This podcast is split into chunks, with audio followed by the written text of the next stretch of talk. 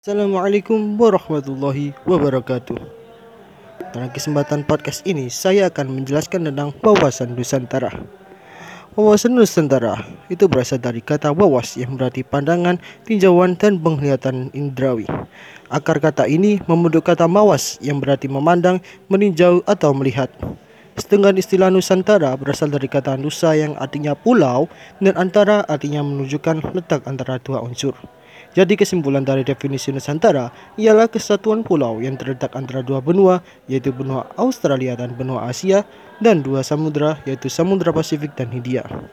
Sedangkan secara terminologi atau istilah, wawasan adalah sebagai berikut, yaitu merupakan menurut kelompok kerja wawasan Nusantara guna diusulkan menjadi TAP MPR yang di buat Lemhanas tahun 1999 merupakan cara pandang dan sikap bangsa Indonesia mengenai diri dan lingkungannya yang serba beragam dan bernilai strategis dengan bertujuan untuk mengutamakan persatuan dan kesatuan bangsa serta kesatuan wilayah dan penyelenggaraan kehidupan bermasyarakat, berbangsa dan bernegara.